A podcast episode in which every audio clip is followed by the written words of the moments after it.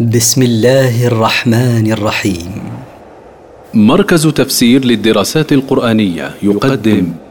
المختصر في تفسير القرآن الكريم صوتيا. برعاية أوقاف نوره الملاحي.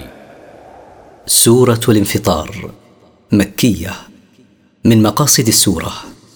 تحذير الإنسان من الاغترار ونسيان يوم القيامة. التفسير. إذا السماء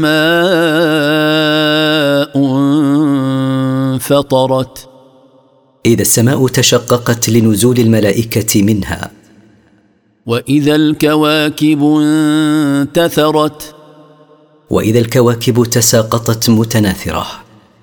وإذا البحار فجرت. وإذا البحار فتح بعضها على بعض فاختلطت. وإذا القبور بعثرت. وإذا القبور قلب ترابها لبعث من فيها من الأموات. علمت نفس ما قدمت وأخرت. عند ذلك تعلم كل نفس ما قدمت من عمل وما أخرت منه فلم تعمله يا أيها الإنسان ما غرك بربك الكريم؟ يا أيها الإنسان الكافر بربك ما الذي جعلك تخالف أمر ربك حين أمهلك ولم يعاجلك بالعقوبة تكرما منه. الذي خلقك فسواك فعدلك. الذي أوجدك بعد أن كنت عدما وجعلك سوي الأعضاء معتدلها. في أي صورة ما شاء ركبك في أي صورة شاء أن يخلقك خلقك وقد أنعم عليك إذ لم يخلقك في صورة حمار ولا قرد ولا كلب ولا غيرها. كلا بل تكذبون بالدين. ليس الأمر كما تصورتم أيها المغترون بل أنتم تكذبون بيوم الجزاء فلا تعملون له. وإن عليكم لحافظين. وإن عليكم ملائكة يحفظون أعمالكم. كراما كاتبين. كراما عند الله كاتبين يكتبون اعمالكم. يعلمون ما تفعلون. يعلمون ما تفعلون من فعل فيكتبونه.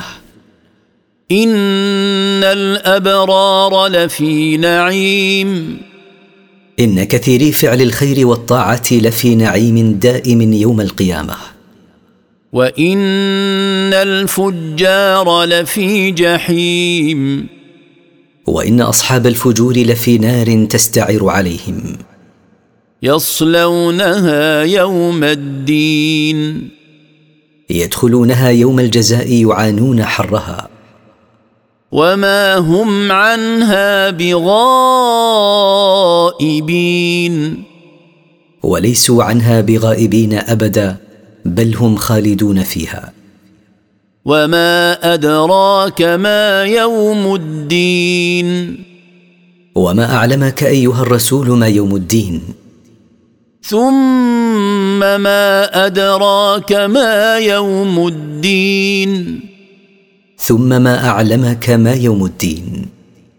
يوم لا تملك نفس لنفس شيئا والأمر يومئذ لله. يوم لا يستطيع أحد أن ينفع أحدا والأمر كله في ذلك اليوم لله وحده يتصرف بما يشاء لا أحد غيره.